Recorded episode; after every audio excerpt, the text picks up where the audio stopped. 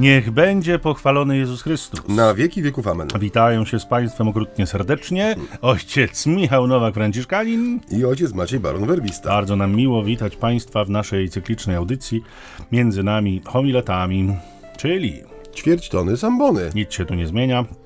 Na razie jesteśmy z tego radzi. ani w prawo, ani w lewo. No, ale to nic. Nie, zamian, w zamian za to ważenie, którego dokonujemy zawsze u początku, to niech raczą Państwo wysłuchać Ewangelii przeznaczonej na tęże właśnie niedzielę, 12. Niedzielę zwykłą w ciągu roku. 23 czerwca. Dzisiejsze słowo pochodzi z Ewangelii według świętego Łukasza, rozdział 9, wersety 18 do 24. Gdy Jezus modlił się na osobności, a byli z nim uczniowie, zwrócił się do nich z zapytaniem: Za kogo uważają mnie tłumy? Oni odpowiedzieli: Za Jana Chrzciciela, inni za Eliasza. Jeszcze inni mówią, że któryś z dawnych proroków zmartwychwstał. Zapytał ich: A wy, za kogo mnie uważacie? Piotr odpowiedział: Za Mesjasza Bożego.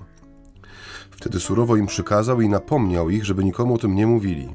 I dodał: Syn człowieczy musi wiele wycierpieć, będzie odrzucony przez starszyznę, arcykapłanów i uczonych w piśmie. Zostanie zabity, a trzeciego dnia zmartwychwstanie. Potem mówił do wszystkich: Jeśli kto chce iść za mną, niech się zaprze samego siebie, niech co dnia bierze krzyż swój i niech mnie naśladuje. Bo kto chce zachować swoje życie, straci je, a kto straci swe życie z mego powodu, ten je zachowa. Proszę ojca, czy to pytanie, za kogo uważają mnie ludzie... No z reguły pytania były na końcu. A ja mam takie pytanie na początku. Czy to nie jest taka prosta ciekawość celebryty? Y, Pan Jezus, który mówi, aha, za kogo tam? Co tam o mnie mówią na mieście, chłopaki? Dajcie znać, co to tam się o mnie mówi. Czy to tak nie wygląda trochę? A co ojciec chciałby usłyszeć w odpowiedzi na to pytanie? No, ja nie wiem, proszę ojca, co tam ojciec myśli w tej głowie dłużej, ale może coś tam by się, jakaś myśl zrodziła. No, fascynujące jest zawsze dociekanie na temat y, tego pełnego człowieczeństwa Jezusa, znaczy tego, w jaki sposób on też miał, y, jaki on miał obraz siebie. E, można powiedzieć, co myślał o sobie, jak przeżywał.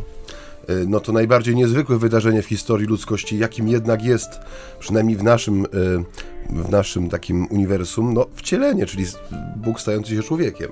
Pełnym człowiekiem i jednocześnie pozostający w pełni Panem Bogiem. Y, Więc może, żeby połechtać trochę twoją próżność tutaj zadawania takich ciekawych pytań na początku audycji, No, powiem, że może była w nim taka zwykła ludzka ciekawość. Po prostu, tak jak każdy z nas jest ciekaw różnych rzeczy, tak też skoro Pan Jezus był człowiekiem no, no doskonałym, absolutnie pełnym także, no więc może miał w sobie jakieś, y, no takie pytanie, które może go nurtowało. No za kogo mnie ludzie uważają? No widzą to, co robię, słyszą to, co mówię, y, widzą też y, to, że no nie jest to słowo, które pada na ziemię jałową, ponieważ idą za mną ludzie, którzy chcą tego słowa słuchać, więc może była w tym jakaś ciekawość. Y, Taka jest moja y, interpretacja, taka Pierwsza zupełnie pierwsza. Ale druga, y, no wydaje mi się też, że y, jest to pytanie, które no z jednej strony może dotyczyć tej, tego no, poziomu świadomości Pana Jezusa, ale wydaje mi się, że z drugiej strony to jest pytanie podyktowane troską i miłością do słuchacza. To znaczy Jezus jak gdyby zadając to pytanie nie tyle chce sprawdzić, bo przecież On wie, za kogo ludzie go uważają. On wie, co z nim będzie. On podaje przecież e, chwilę później w tej samej perykopie, dokładnie podaje jak gdyby swój los, to co będzie jego udziałem. Czyli to odrzucenie, brak zrozumienia. I myślę właśnie, że ten brak zrozumienia i odrzucenie, one też w jakiś sposób e, no, są taką pewną cechą słuchaczy Jezusa, którzy stają przed nim, owszem, przyjmują to słowo, może nawet to słowo dokonuje w ich życiu e, mniej czy bardziej konkretnej przemiany, ale jednak e, tym takim no, mm, wyróżnikiem jest często to, no, że właśnie mimo tej bliskości wielkiej, no, mamy tego przykłady w Ewangeliach, nie? że przychodzą, przychodzi mama synów e, Zebedeuszowych i prosi ją, e, prosi Jezusa o to, by jego, jej synowie mieli miejsca po lewicy, po prawicy, by mieli jakieś zaszczyty w jego królestwie, o, której, o którym coś słyszeli, czy ona słyszała, może moje dzieci powiedziały. No więc jest to głębokie niezrozumienie. Wydaje mi się, że to jest też takie pytanie dobrego nauczyciela, który chce zobaczyć, co z, ty, co z tego, co ja mówię, zostaje w moich słuchaczach, na ile to moje słowo rzeczywiście trafia do ich serc, bo tak jak mówiliśmy już kilka razy, Pan Jezus nie wchodzi w życie człowieka z buciorami. To słowo, które on wypowiada, jest zawsze wypowiedziane w absolutnej wolności.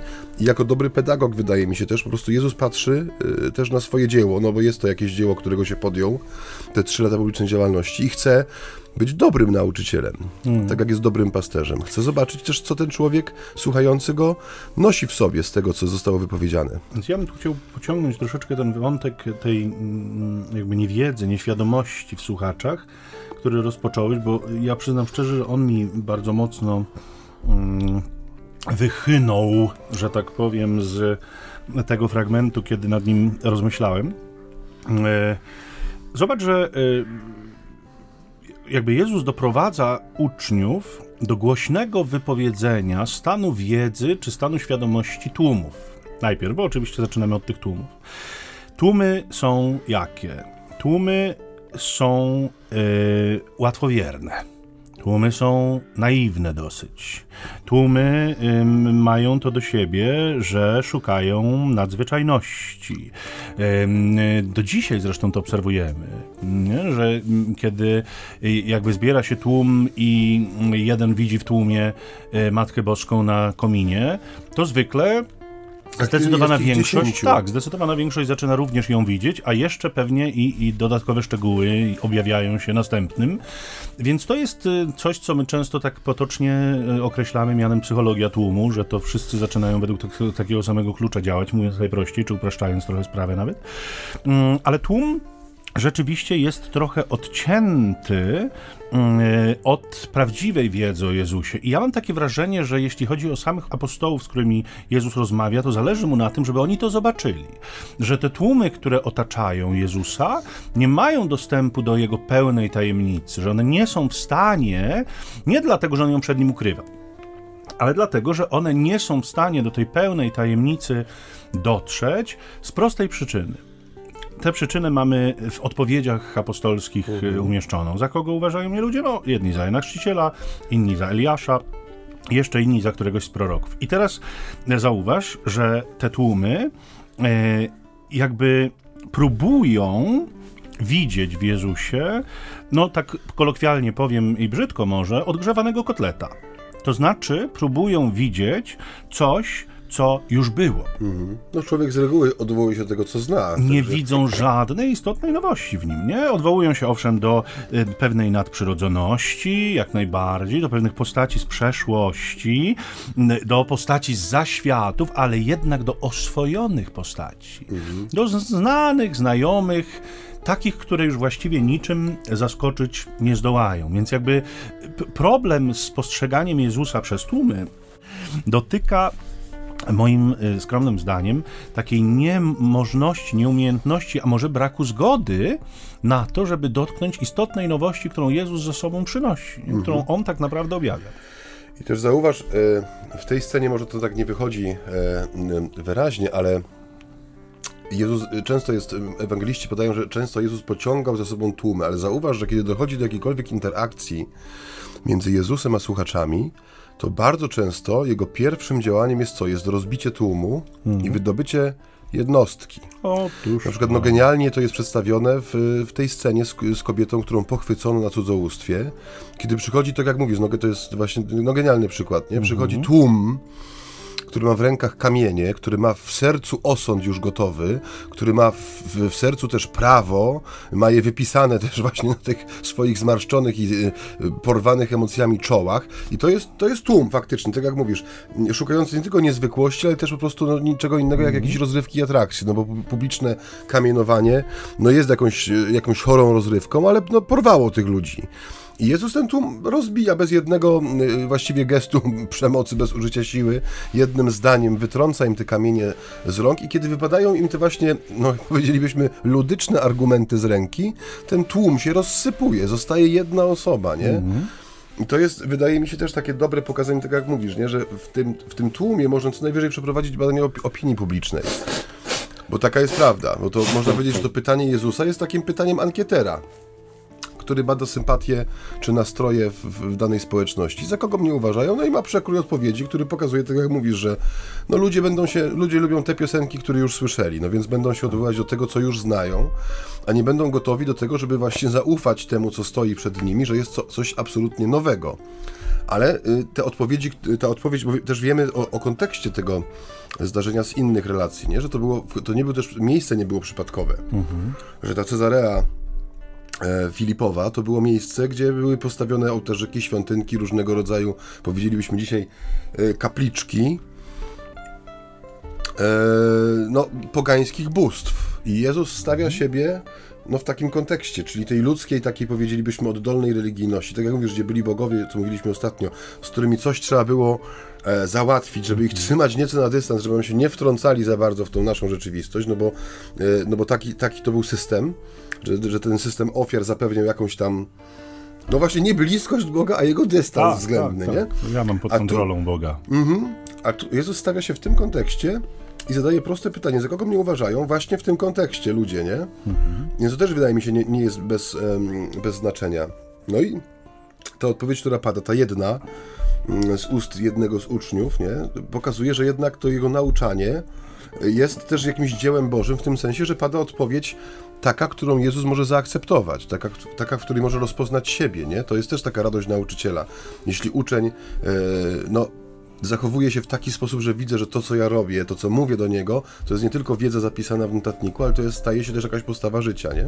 Ale to jest chyba niezwykle ważne, co mówisz, że jest jednak wyodrębnienie z tłumu jednostki, nie? Że um, rzeczywiście Jezus y, tworzy wspólnotę, ale objawia się każdemu jakby z osobna, indywidualnie, nie? W życiu każdego z nas ta relacja z Jezusem rozpoczyna się i zaczyna się jakby budować od spotkania, od, od rzeczywistego, jakby osobistego i osobowego spotkania z Nim. Nic się nie dokonuje w tłumie, w tym sensie, że, że y, my nie mamy do czynienia w chrześcijaństwie z bohaterem zbiorowym. Każdy jest sam odpowiedzialny za swoje zbawienie, każdy sam jakby w, w, współpracuje z łaską. Pięknie nam to święty Paweł w liście do Rzymian w ósmym rozdziale mówi, że Bóg z tymi, którzy go miłują, współdziała, współdziała wszystkim. wszystkim dla ich dobra, nie? Więc jakby to osobiste, indywidualne spotkanie jest tak szalenie ważne, że Jezus rzeczywiście od badania opinii publicznej, która skądinąd znowu raczej apostołom ma po pokazać, y, jaki jest stan faktyczny tego tłumu wokół, bo Jezus raczej y, to wie i dlatego wracam jakby do tego mojego pytania y, zabawnego, może prowokacyjnego u początku, które, które brzmiało, czy Jezus jako ciekawski celebryta nie jest zainteresowany tym, co ludzie o nim mówią. No, no może tak jak powiedziałeś, no może czysto z, z, ludzkiej ciekawości. Owszem, aczkolwiek y, mam głębokie przekonanie, że on to raczej wie, bo no wie. dalszy kontekst wypowiedzi mm, sugeruje, że... Zna, co jest w człowieku, jak to ładnie opisuje tak. ewangelista. Także... no lud nie jest przygotowany jeszcze na to objawienie, do tego zapewne dojdziemy za chwilę, y, które on ze sobą wnosi. Natomiast y, wydaje się, że apostołowie już tak. I dlatego to pytanie, wy za kogo mnie uważacie? I to, ja mam takie wrażenie, że on znowu nie, nie pyta mm, tak mm, kolektywnie, tylko mówiąc wy, przesuwa wzrokiem, tak sobie to wyobrażam, po tych twarzach tych wspaniałych mężów, i właściwie każdy z nich ma poczucie, że on pyta jego osobiście. Mógłby powiedzieć, a ty, a ty, a ty Piotrze, a ty Andrzeju, a ty Jakubie, a ty Janie. Za kogo ty mnie uważasz? Nie? Że ten osobisty aspekt decyzji ma tu niesamowite znaczenie, że to jest decyzja, którą każdy człowiek musi podjąć indywidualnie. Decyzja poparta namysłem, decyzja poparta doświadczeniem, decyzja, od której się tak naprawdę wszystko zaczyna. I to jest tak niesłychanie ważna decyzja, że jakby współcześnie te wszystkie ruchy nowoewangelizacyjne nam o tym bardzo mocno przypominają. Nie? Kerygmat sprowadza się do podjęcia najważniejszej decyzji. Głoszenie kerygmatu to owszem Słowo Boże, które nam przedstawia te najbardziej podstawowe prawdy, w które wierzymy, ale ono prowadzi do decyzji, która jest ni mniej, ni więcej, tylko wyborem Jezusa za Pana swojego życia. Do tego się sprowadzają wszelkie rekolekcje kerygmatyczne, ewangelizacyjne. Oczywiście y, one są bogate również w takie wydarzenia jak modlitwa o uzdrowienie, czy, czy modlitwa o nowe napełnienie Duchem Świętym, ale to są, powiedziałbym, takie dodatkowe prezenty, dodatkowe atrakcje w cudzysłowie. Natomiast istotą tych rekolekcji jest moje osobiste spotkanie z Jezusem i mój osobisty wybór i decyzja na to, że On rzeczywiście staje się moim Panem, innymi słowy, Mesjaszem Bożym, tak jak dzisiaj Mówi o nim Piotr. Mhm. No więc y, odpowiedź na to pytanie, y, bo to jest takie pytanie bardzo rekolekcyjne, w tym sensie, że y, właśnie to są najkrótsze rekolekcje, jakie sobie można wygłosić i przeżyć. E, przeczytać ten fragment Ewangelii i zadać sobie właśnie to pytanie. Wy za kogo mnie uważacie, nie? I ja, to, co mówisz, że to y, nam chyba często ucieka też, tak mi się wydaje, że nam często ucieka i może też w naszym głoszeniu właśnie to, że jak gdyby no to bycie nasze w, w kościele, czy otwieranie się na Ewangelię, jeżeli ktoś na przykład, nie wiem, szuka drogi powrotu, czy w ogóle jest, no, powiedzmy, e, jeszcze przed podjęciem jakiejkolwiek decyzji, która była, stawiałaby go w kręgu uczniów Pana Jezusa, że jak gdyby to powinien być też taki nasz, e, no nie chcę używać tego słowa, ale konik doprowadzenie ludzi do tego, żeby to pytanie wybrzmiało w, w kontekście ich konkretnego życia, nie? Ich kon, mhm. konkretu ich życia. Bo tak jak mówisz, to jest pytanie, od którego się wszystko zaczyna. Tak. I niezależnie od tego, czy jesteś kardynałem, biskupem, proboszczem z 50-letnim stażem, czy katechumenem, to się to jest takie pytanie, które powinno się codziennie dodawać do tych modlitw i pacierzy, które, które nas tam wewnętrznie budują jako, jako osoby wierzące, bo to jest pytanie zasadnicze. Mhm. Czyli ono mnie stawia w relacji do Pana Jezusa. Ja, ja, oddziela, ja udzielając odpowiedzi na to pytanie, no, mam też program swojego życia, jak gdyby tutaj pokazany, nie? Od, za, od zależności od tego, co odpowiadam, jaka jest ta moja odpowiedź. Bo tak jak yy, przekazuje nam ewangelista, te odpowiedzi mogą być różne, w zależności od tego, jaki jest mój y, sposób patrzenia, tak. czy odległość, z jakiej patrzę też na Jezusa. Mhm. Bo y, jest taka ciekawa książka, y, która opisuje no, różne współczesne no, sposoby patrzenia na Jezusa. E, Bernard Cesbue napisał. I, I, tam podaje oprócz tych y, herezji, które się pojawiają. Oczywiście my mamy z herezją takie skojarzenie takie bardzo no, pejoratywne, że jest to coś złego, jest to oderwanie od pewnej jedności. Ale on też starał się pokazać, y, skąd się brały te herezje, nie? że to często było. Zachwyt jakąś cząstką. Zachwyt jakąś mhm. cząstką, tak. którą się brało za całość, tak. czy, czy patrzenie z jakiejś odległości, która uniemożliwiała bliską relację, mhm. ale sprawiała, że te przesłanie Ewangelii, czy osoba Jezusa stawała się w jakiś sposób atrakcyjna, no czy brzydko mówiąc użyteczna. I to jest oczywiście błąd, no bo nie można traktować Pana Jezusa jak klucza francuskiego, bo to nie jest rzecz, tylko osoba, to jest relacja, to jest miłość. Więc poza miłością wszelkie inne działania będą trochę używaniem i Ewangelii, i osoby Jezusa. Ale też pokazuje, że w człowieku, niezależnie od tych lat, które minęły od momentu wcielenia, że cały czas w tym człowieku, który staje przed Jezusem, są te same dylematy i napięcia. Czy jestem gotów właśnie stanąć przed nim i odpowiedzieć na pytanie, tak jak to dzisiaj mamy w Ewangelii, ty jesteś Mesjasz, Syn Boża, Boga Żywego, czy będzie w nas takie y, badanie opinii publicznej? Mhm. Eliasz, a może jakiś nowy prorok, a może jakiś właśnie mądry nauczyciel, a może jakiś człowiek, który wiedział trochę więcej od innych, a może szlachetny przykład moralności, a może przykład czegoś jeszcze innego. No i czasami ludzie potrafią w odpowiedzi, w tej odpowiedzi, no zawrzeć swoją relację do Pana Jezusa, ale to nie jest ta relacja, o której mówi dzisiejsza Ewangelia, nie? Więc y, ja myślę, że powiedziałeś przed chwilą o, tej, y, o tych rekolekcjach, które właściwie powinny doprowadzić do takiego pytania, właściwie każdy dzień powinien takie pytanie w jakimś tam sensie nam stawiać, czy sami powinniśmy je stawiać. Natomiast ja o tym niejednokrotnie myślę. Yy, yy, w jaki sposób stawiać to pytanie, żeby ono rzeczywiście dotarło do słuchacza i żeby odniosło y, pożądany skutek. Bo po pierwsze myślę sobie, że pytanie, kim jest dla ciebie Jezus Chrystus, jest pytaniem nadużywanym ostatnio w mhm. Kościele. Nie? I ono y, bardzo często jest stawiane w kontekstach takich, powiedziałbym, dość przypadkowych i zupełnie nieprzygotowanych. Y, na przykład grupa ewangelizatorów idąca po ulicy łapie człowieka, otacza go czterech i mówią, kim jest dla ciebie Jezus Chrystus. I on Czy biedny... to będzie w radio?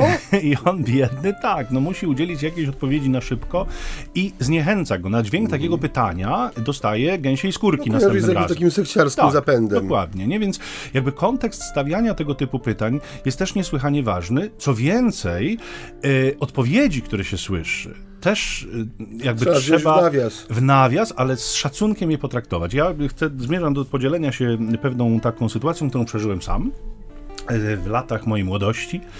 Jeszcze to pamiętam, już jestem w takim wieku, że już, smoki że już pamiętam, co było x lat temu, a nie pamiętam, co jadłem na śniadanie. Serek wiejski. O, dziękuję.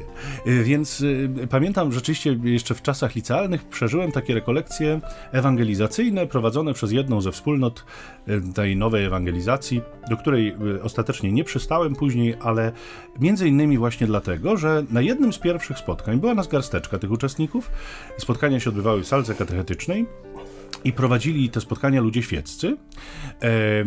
I pewien sędziwy pan y, rozpoczął spotkanie od pytania, kim jest dla ciebie Jezus Chrystus. I chodził tak po tej sali i każdego z nas wywoływał do odpowiedzi, każdy z nas musiał odpowiedzieć głośno. No, ludzie byli w różnym wieku, rzecz jasna, mm, tak, różnej proweniencji, e, różnego stanu.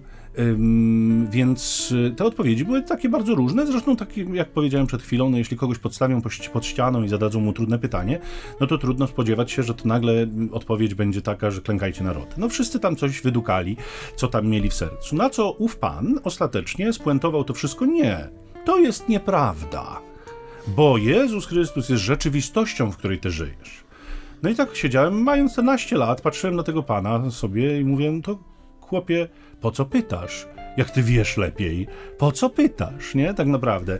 I zraziło mnie, to nie ukrywam, do tej wspólnoty odbyłem rekolekcję, odprawiłem je do końca, ale już we wspólnotę nie wszedłem, bo mówię, jak tam tylu mędrców i każdy wie lepiej ode mnie, no to y, mój Boże, nie? I wszyscy, i miałem, i miałem takie poczucie, nie, nieodparte poczucie, że ten pan nie był zainteresowany tym, co my mamy do powiedzenia, tylko był zainteresowany tym, żeby nam udzielić właściwej odpowiedzi, ale zrobił to w sposób taki mało delikatny, bez szacunku wobec tego, co myśmy mówili.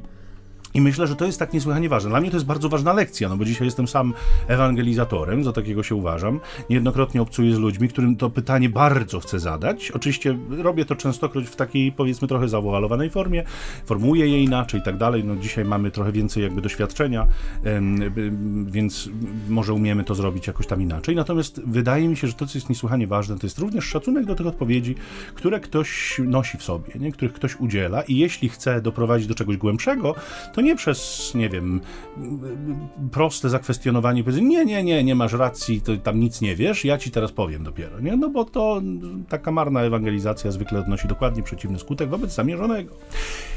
I wziąłem teraz głęboki oddech, bo skończyło mi się powietrze po 7 minutach mówienia, więc czas może na krótki oddech muzyczny. Zapraszamy.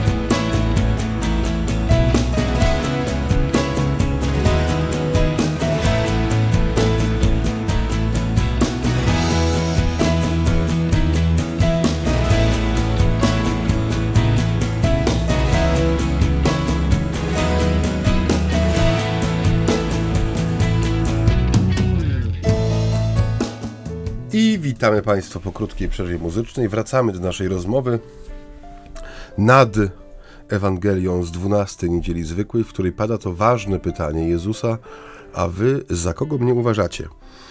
Mm, przed przerwą ojciec Michał mm, w bardzo długiej wypowiedzi swojej zarysował Dziękuję. pewien, e, też mi się wydaje taki pewien e, no, bardzo istotny, może nie problem, ale istotny taki wymiar też naszego bycia świadkami Jezusa, mianowicie no, jak gdyby cel naszego, y, cel naszego chrześcijaństwa, czy cel naszego bycia w Kościele, w sensie takim, czy to nasze naśladowanie Jezusa jest tylko i wyłącznie taką rzeczą użyteczną dla nas, w sensie używam takiego języka trochę kolokwialnego, to znaczy, czy chrześcijaństwo jest jakimś dobrem do konsumowania, czy ono właśnie powinno się mm, realizować i spełniać w tym, że my swoim życiem takim, jakie ono jest, z wszystkimi jego słabościami, z naszą też grzesznością, z upadkami, ale też z naszym powstawaniem w Bożym miłosierdziu i z naszym też e, no, podejmowaniem tej najtrudniejszej spokut, czyli pracy nad sobą, czyli pracy nad własnym życiem, czy my nie jesteśmy zaproszeni właśnie do tego, żeby nasza obecność w świecie, w tych miejscach, w których pracujemy, modlimy się, odpoczywamy,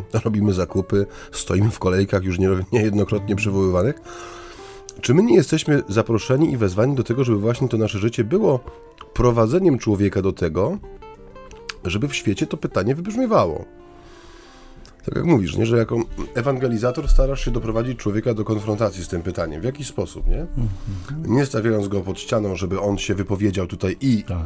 w odpowiedzi udzielić mu właściwej Tak, odpowiedzi. spałować jeszcze przy Tak, okazji. przy okazji mu udowodnić wszystko, Słowem Bożym. Słowem Bożym, ale żeby to było właśnie doprowadzenie do tego spotkania, bo to jest, tak jak mówisz, tutaj się dokonuje pewne spotkanie. To nie jest pytanie zadane korespondencyjnie przez telefon, czy jakiś inny sposób, tylko Jezus stawia człowieka przed sobą, wydobywa go z tłumu i oczekuje jak gdyby tej odpowiedzi, no bo ona jest no, początkiem wszystkiego. I, y, no i tutaj też jest ciekawe, dla mnie zawsze ciekawe takie, mm, jest to przełożenie tego na praktykę życia, bo my możemy o tym sobie ładnie mówić tutaj w studio, ale tak jak żeśmy już ostatnio mówili, nie, że no jest cały czas gdzieś w nas pokutuje i to mówię nas też ze świadomością, że mówię też o sobie pewnie, że zawężamy trochę to stwarzanie tych, y, tych okazji do wybrzmiewania tego pytania do, do, do tych sytuacji stricte Religijny. religijnych, liturgicznych, niedzielna msza, czy ewentualnie katecheza, spotkanie jakiejś grupy, e, czy modlitewnej, czy właśnie charyzmatycznej, czy, czy ewangelizacyjnej. Owszem, i to są fantastyczne rzeczy, nie? Bo to wtedy przychodzą ludzie, którzy wiedzą, co chcą robić, prawda? Mają w sobie to pragnienie, ale tak jak mówię, no często obracamy się w środowiskach, które owszem, no może nominalnie są muśnięte tym chrześcijaństwem, nie? Są, są tu ludzie ochrzczeni, są to ludzie, którzy może chodzą w niedzielę, czy może nie każdą, ale czasami się pojawiają w kościele. I jak, jaki, w jaki sposób właśnie motywować się do tego, żeby moje życie, świadectwo mojego życia, moje wybory, słowa, zachowanie codzienne, żeby one jednak nie były anty, mm, taką antyokazją do tego spotkania, tylko żeby jednak pokazywać swoim życiem, nie? Jakie są te, bo to są rzeczy- czasami rzeczy zupełnie takie prozaiczne i drobne, maleństwa takie codzienne, ale które gdzieś tam potrafią ocalić w drugim człowieku jakąś wrażliwość, która z kolei, ta wrażliwość pozwala, żeby to pytanie w nim się zrodziło. Nawet jeśli, tak jak mówisz, czasami jest może za jakimś woalem, może nie jest postawione wprost. Nie jest tym właśnie pałowaniem człowieka słowem Bożym w czwórkę na ulicy wielkiego miasta sobotnim popołudniem na przykład. I to jest dla mnie fascynujące zawsze i to wydaje mi się, że jest poligon, że tak powiem, jeśli mogę użyć tego słowa, no nieskończony do, też dla, dla nas, jako dla ludzi, którzy szukają takiej okazji, do, do takiej pokornej, takiego pokornego poznawania też rzeczywistości, odkrywania w niej tych takich nisz i zaułków, w których to pytanie rzeczywiście może nawet już wybrzmiewa. Bo często jest też tak, że, no tak jak się mówi, nie, że pierwszym ewangelizatorem jest Duch Święty, że Kościół idzie za duchem, tak. Że my może czasami jesteśmy w środowiskach, czy w miejscach, w których w sposób dla nas może jeszcze nie uświadomiony i może dlatego właśnie, że nie ma w nas tej wrażliwości, to pytanie jest gdzieś postawione, wybrzmiewa w jakimś konkretnym miejscu, w jakimś czasie, w jakiejś sytuacji, w jakiejś osobie, w jakimś świadectwie życia. I to też pokazuje, że chrześcijaństwo to jest taka niekończąca się przygoda ze spotkaniem. Znaczy, przy, przygoda może y, to nie jest, znaczy jest to słowo, którego używamy czasem, ale jest to takie, taka przygoda w odkrywaniu też tego, nie? Gdzie, y, gdzie, to, gdzie ten duch już jest, gdzie, gdzie, gdzie Pan Bóg już wie, że będzie y, Królestwo Boże kiełkowało, a my jeszcze do tego dorastamy.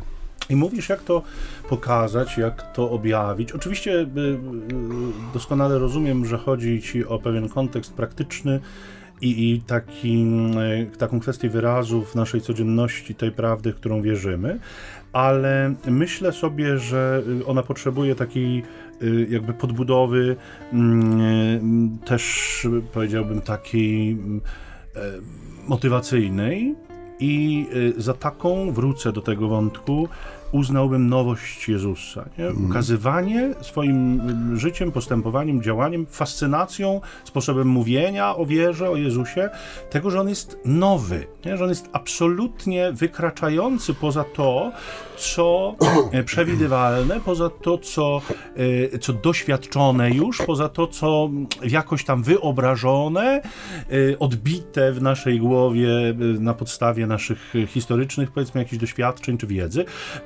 Zobacz, że ci apostołowie, w imieniu których Piotr przemawia, mówiąc: Ty jesteś Mesjasz Boży, oni jakby wyrażają tę prawdę, czy czynią te decyzje na takich powiedziałbym, mocno niepewnych przesłankach się opierając. No bo e, owszem, oni czują, że Jezus jest kimś wyjątkowym, ale e, uznanie go za Mesjasza jest równoznaczne z zakwestionowaniem tego sposobu myślenia o Mesjaszu, który był właśnie taki ogólny, y, charakterystyczny dla tej epoki, dla tego narodu, który był tak bardzo powszechny. Y, Mesjasz polityk, Mesjasz wyzwoliciel, Mesjasz Mhm. dwódz, który wyprowadzi. Więc jeżeli oni mówią, ty jesteś Mesjasz Boży, to wybrzmiewa w tym taka rezygnacja, takie wyjście z tego, co stare, co już znane, co przewidywalne, co oswojone i co oczekiwane, a pójście w trochę, jakby w trochę, zupełnie właściwie nieznany rejon, zupełnie nieznany kierunek, co wiąże się też niewątpliwie z dużym zaufaniem wobec Jezusa. Nie? Tu jest potrzebny taki kredyt zaufania, który my wobec Jezusa wyrażamy, nie? czy który, na który się decydujemy, mówiąc mu tak, ja chcę, żeby Twoja nowość, która jest wieczną nowością. To nie jest tak, że my się Jezusa możemy nauczyć i będziemy mieli patencik na niego, jak sternik na łódkę, nie? Że, albo tam jakiś inny żeglarz na jakąś inną tam e, rzeczywistość wiąza związania węzłów. To, tego się nie można nauczyć w znaczeniu takim... e, Kolega ma patent na łódkę? Na łódkę nie, Nie mam, no, nie, nie, nie, na, na, na ster też, ni na nic nie mam patentu żadnego, że ja generalnie jestem ubogi w tę wiedzę związaną z, ze sportami zwłaszcza. Ale e, chcę powiedzieć jedno, że, że jakby Jezus to jest wieczna nowość, nie? On jest wiecznie zaskakujący i to jest chyba najbardziej fascynujące, ukazywanie ludziom, których pytasz, kim jest dla ciebie Jezus Chrystus, a on ci mówi, no, Zbawicielem, e, jest Panem, jest Bogiem, jest Synem Bożym, no czyli tego, to, czego się nauczył na lekcjach religii najczęściej, bo to przecież do tego się najczęściej sprowadza, prawda? Nie do doświadczenia, tylko do wiedzy jakiejś tam. To jakby istota nie polega na tym, żeby powiedzieć, nie, nie, nie, ja ci teraz powiem, kim jest Jezus. Nie, to jest raczej kwestia tego, a, a dla mnie On jest, chcę ci powiedzieć, kim jest dla mnie. Żebyśmy mogli sobie tak powymieniać myśli, nie? I tu jest ten moment ewangelizacyjny, tu jest ten moment ukazania Jezusa jako czegoś tak nowego, fascynującego, porywającego, że po prostu temu drugiemu spadają laczki z nóg i mówi, ja też tak chcę. No ciekawe jest to, co powiedziałeś właśnie o tej nowości, bo to też pokazuje no, w sposób niesamowity jedność całego objawienia, jedność całej Biblii też. Bo spotkałem kiedyś taki fajny, tylko właśnie znów nie zapisałem sobie tego nigdzie i to jest taka, jeszcze szukam tego, chcę to znaleźć sobie. Znalazłem kiedyś taki piękny e, fragment e, wyjaśniający istotę imienia Bożego, jak gdyby. Nie wiem, jak to nazwać dobrze. No w każdym razie, jeżeli pamiętacie, jest ta scena, e, kiedy e, Mojżesz staje wobec krzaka, który e, no, płonie, ale się nie spala. No jest taka scena. Tak. I nie rozma- wiesz, gdzie to? Nie wiesz, gdzie to zapisane? Nie, chodzi mi o komentarz do tego. I tam no, my, myśmy się przyzwyczaili, że to imię Boże, które jest tam objawione, tłumaczy się na język polski jako jestem, który jestem. Nie? Czyli takie dosyć statyczne imię. Ale tam dosyć ciekawa jest, ja oczywiście hebrajskiego nie znam, nie miałem ani jednej lekcji, nie. Ale człowiek, który się na tym zna i, i, i używa tego języka, w sensie jako też swojego narzędzia do pracy, bo, bo to był artykuł człowieka, który no, zajmuje się po prostu językami biblijnymi w ogóle, powiedział, że to imię bardziej się tłumaczy i bardziej odpowiada y, tej, y, tej dynamice języka, gdybyśmy je przetłumaczyli jako będzie się działo, czyli że będzie że no, imię Boże to jest takie imię, które odsyła nas do tego wszystkiego, co będzie Bożym działaniem, nie? Czyli jak gdyby, tak jak mówisz, to nie można stanąć wobec Pana Boga i mieć patentu na Niego, bo poznaliśmy Jego imię, bo to imię jak gdyby odsyła nas ku temu, co nowe, co przed nami, co nieznane.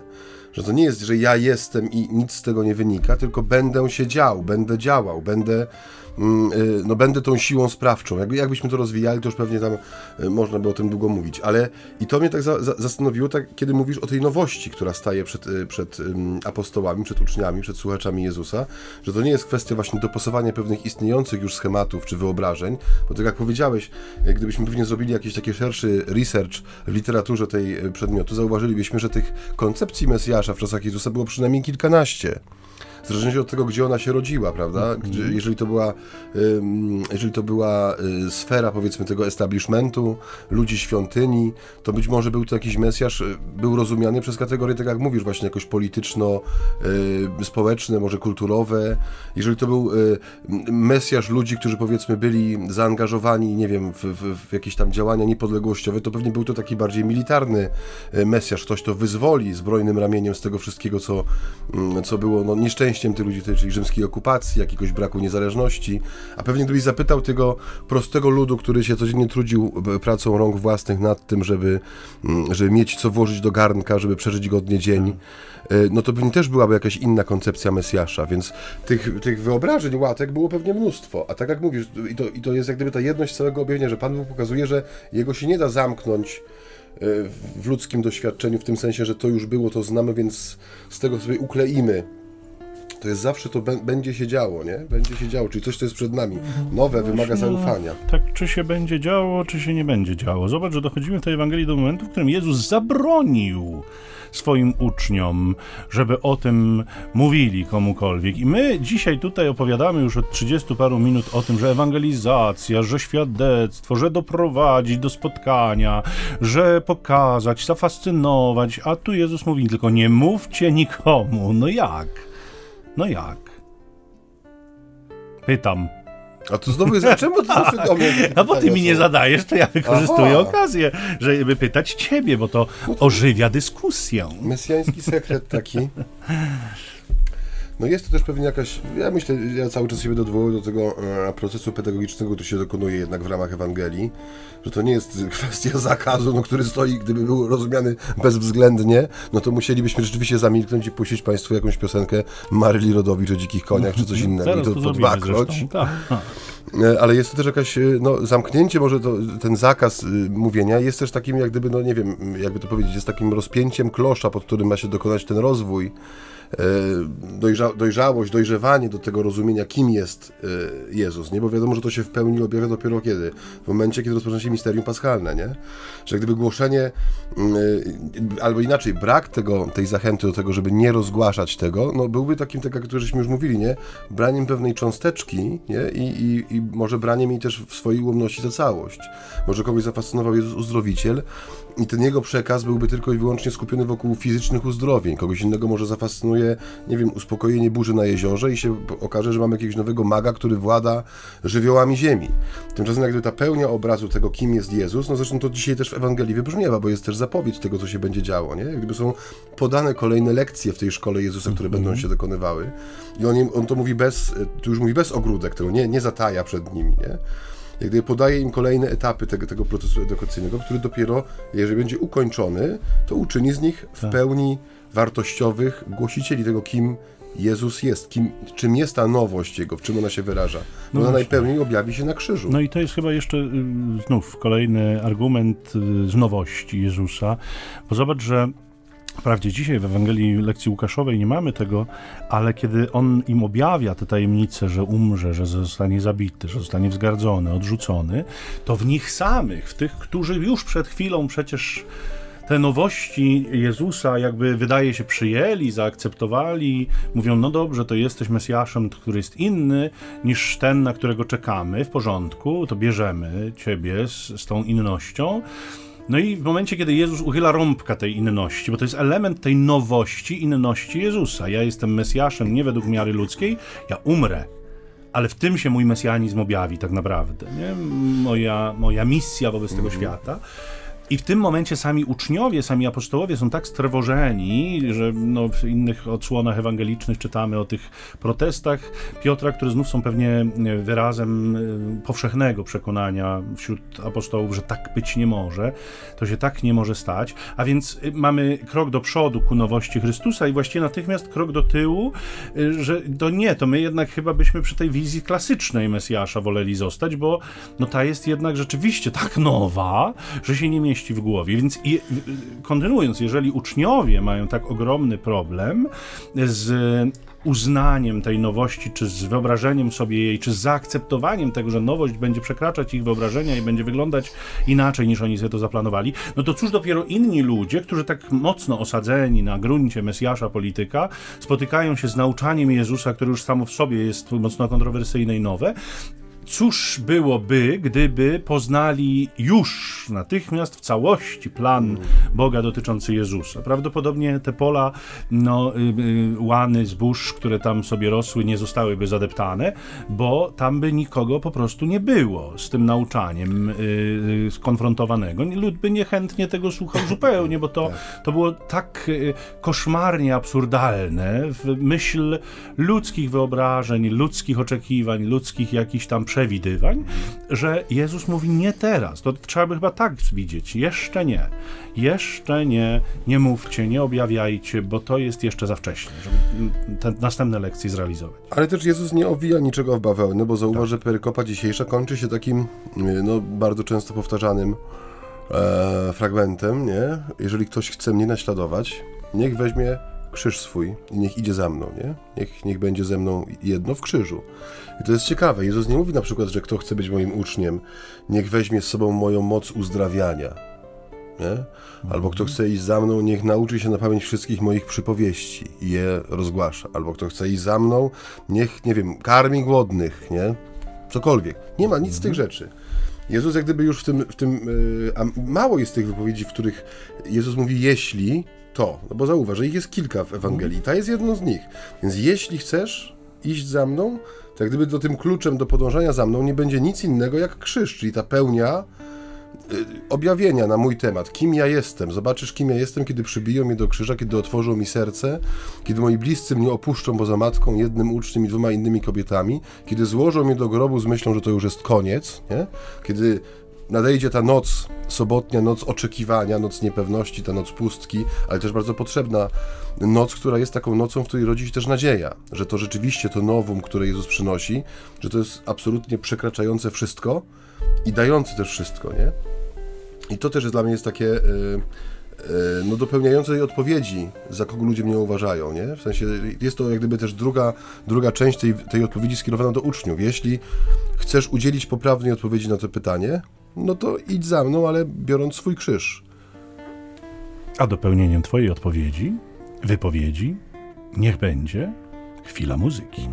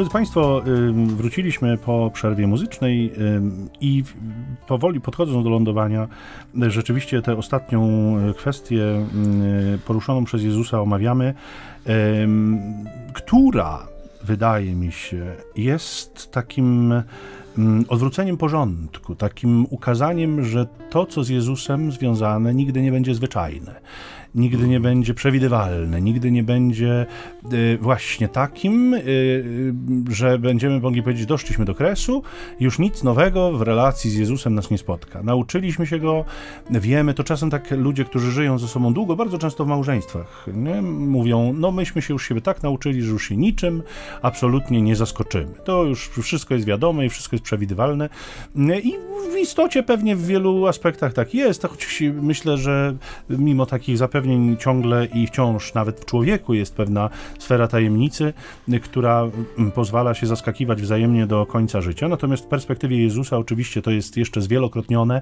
i my możemy być absolutnie pewni, że do kresu tej tajemnicy nigdy nie dotrzemy. Co z jednej strony mogłoby nas demobilizować i mówić, nie, to bez sensu zupełnie wchodzić w ten temat, bo po co, skoro i tak nie głębiej, nie dojdę do kresu.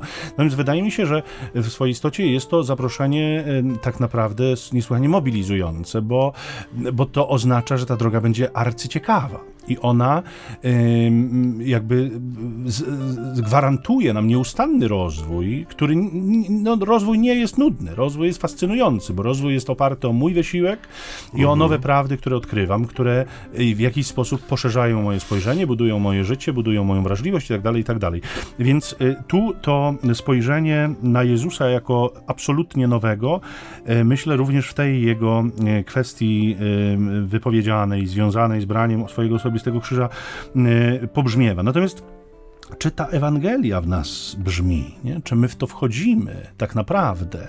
To mnie y, intryguje, bo y, tak jak mówię, łatwo jest chodzić, biegać po ulicach i, i, stawiać ludziom pytanie, nie, czy ty wierzysz w Jezusa Chrystusa i kim dla ciebie jest Jezus Chrystus. To nie jest takie trudne. Można sobie to pytanie stawiać samemu każdego dnia, ciągle na nowo i można y, w duchu y, jakby y, inteligentnych ludzi odpowiadać na nie każdego dnia inaczej i każdego dnia może być bardziej ciekawa odpowiedź i ona może być pięknie ubrana w słowa i może być naprawdę zachwycająca i może brać udział w konkursie na najładniejszą wypowiedź o Panu Jezusie. No, ale, ale przecież nie o to chodzi. Nie? No chodzi o to, żeby tę Ewangelię zrealizować w naszej codzienności. Nie? Chodzi mm. o to, żeby ona stała się faktem, żebyśmy ją przeżyli. Czy to mm. się dzieje? No i tu też jest taka wielka szansa, wydaje mi się, żeby to, co ty z kolei przed chwilą powiedziałeś, stało się też naszym udziałem. Zauważ, ja po raz kolejny wrócę do tej e, kończącej dzisiejszą perykopę wypowiedzi Jezusa. Tak jak mówię, kto chce iść za mną, niechaj weźmie swój krzyż.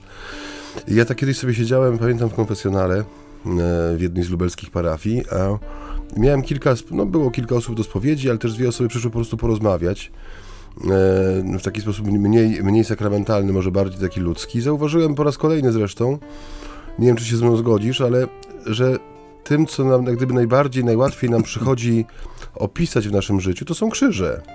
Bardzo często jest, gdy zadał komuś pytanie, proszę mi wymienić pięć rzeczy, yy, które pani czy panu w zeszłym tygodniu się udały, z których jest pan czy pani zadowolona, które były źródłem radości.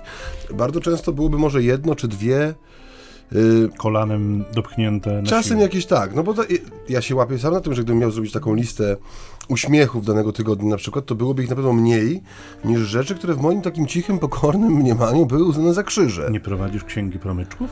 Nie, przestałem już. No, może czas znów wrócić do tego. Ale coś w tym jest, nie? że jak gdyby y, te słowa Jezusa też się wpisują trochę w ludzką y, dynamikę i sposób przeżywania świata, że no, bardzo często to, co nas, no, jest dla nas przeszkodą, jest jakimś faktycznym, obiektywnie rzecz biorąc, krzyżem. Czy to będzie choroba, czy to będzie na przykład, nie wiem, no ktoś, kim, kim się muszę fizycznie zająć, nie? Czy to będzie jakiś, jakaś trudna relacja w miejscu pracy, która wymaga ode mnie delikatności i takiego ciągłego skupienia, żeby na przykład, nie wiem, nie urazić, czy nie zacząć jakiegoś konfliktu. To są rzeczy, które się przeżywa. Człowiek może o tym mówić godzinami, nie? Kiedy mówimy, powiedz mi coś dobrego, no to bardzo często jest, no nie wiem, no, no, no, no jakieś, tak jak mówisz, dopchnięte kolanem, jakieś tam na szybko, dwie, trzy, dwa, trzy zdania może byśmy sklecili, ale kiedy masz powiedzieć, co cię boli, Jesteś gotów zawsze. To jestem gotów zawsze o każdej porze budzonym w środku nocy wyrecytować całą litanię. Jak gdyby zobacz, że te, ta, ta wypowiedź Jezusa, ona się nie, no może nie tyle wpisuje w to, ale ona pozwala właśnie chociażby przez to, co jest dla mnie trudne. W tym naśladować Jezusa, nie? że on wziął to, co dla niego było trudne. To jest istota, Bóg, człowiek, który nie zna grzechu, nie? który nie, nie, doświadczył grzechu, a jednocześnie, no można powiedzieć, używając języka liturgii, stał się grzechem, nie? wziął na siebie krzyż, na którym był cały brud cały syf, cały smród tego świata, nie? Więc to już było coś, co absolutnie, no, było nie jego, nie jego, nie? On jest tym, który się zaparł samego siebie, żeby wziąć ten krzyż. I my też, no jeżeli się nie zapieramy samych siebie, no to tak jak mówię, te obiektywne trudności, które mamy, one nas potrafią pokonać czasami, nie? Potrafią doprowadzić do wypalenia, do załamania, do rezygnacji, do frustracji. I może tutaj jest też to zaproszenie, jeżeli jesteś w takim miejscu, w którym naprawdę czujesz już, że no, tych promyczków księgi nie ma sensu prowadzić, to spójrz na Jezusa, nie? Człowieka, któremu to było absolutnie obce, po ludzku już całkowicie mówiąc, to było mu obce, ale po Bożemu to się stało jego, no jak gdyby no jego losem, jego udziałem. On to wziął na siebie, nie? I zobacz do czego doprowadził, zobacz dokąd doszedł z tym, co go przerastało. I tu się jak gdyby też zaczyna to spotkanie, o którym y, mówiliśmy chyba na początku, nie? że w tym miejscu, no, gdzie najprościej spotkać Jezusa, tam gdzie jest obecny najpełniej, gdzie jest obecny najpełniej, najpełniej jest obecny w swoim krzyżu, w swojej męce. Więc pytasz, gdzie czy dokąd Jezus doszedł, to ja y, obiecuję się nad tym zastanowić, natomiast jestem pewien, że my doszliśmy do, do końca. Kresu, tak, słyszałem już ten gong. Audycji, więc czas się z Państwem żegnać. Dziękujemy, drodzy Państwo, za to dzisiejsze spotkanie. 23 czerwca, niech ta niedziela będzie przepiękna. Niech e, Ewangelia o Jezusie nowym, zawsze nowym, dociera do waszych serc, zachwyca i fascynuje i motywuje do tego, żeby go zgłębiać, żeby wchodzić w relacje z nim. Żegnają się z Państwem ojciec Michał Nowak-Franciszkanin i ojciec Maciej Baron Werbista. Pokój dobro. Amen.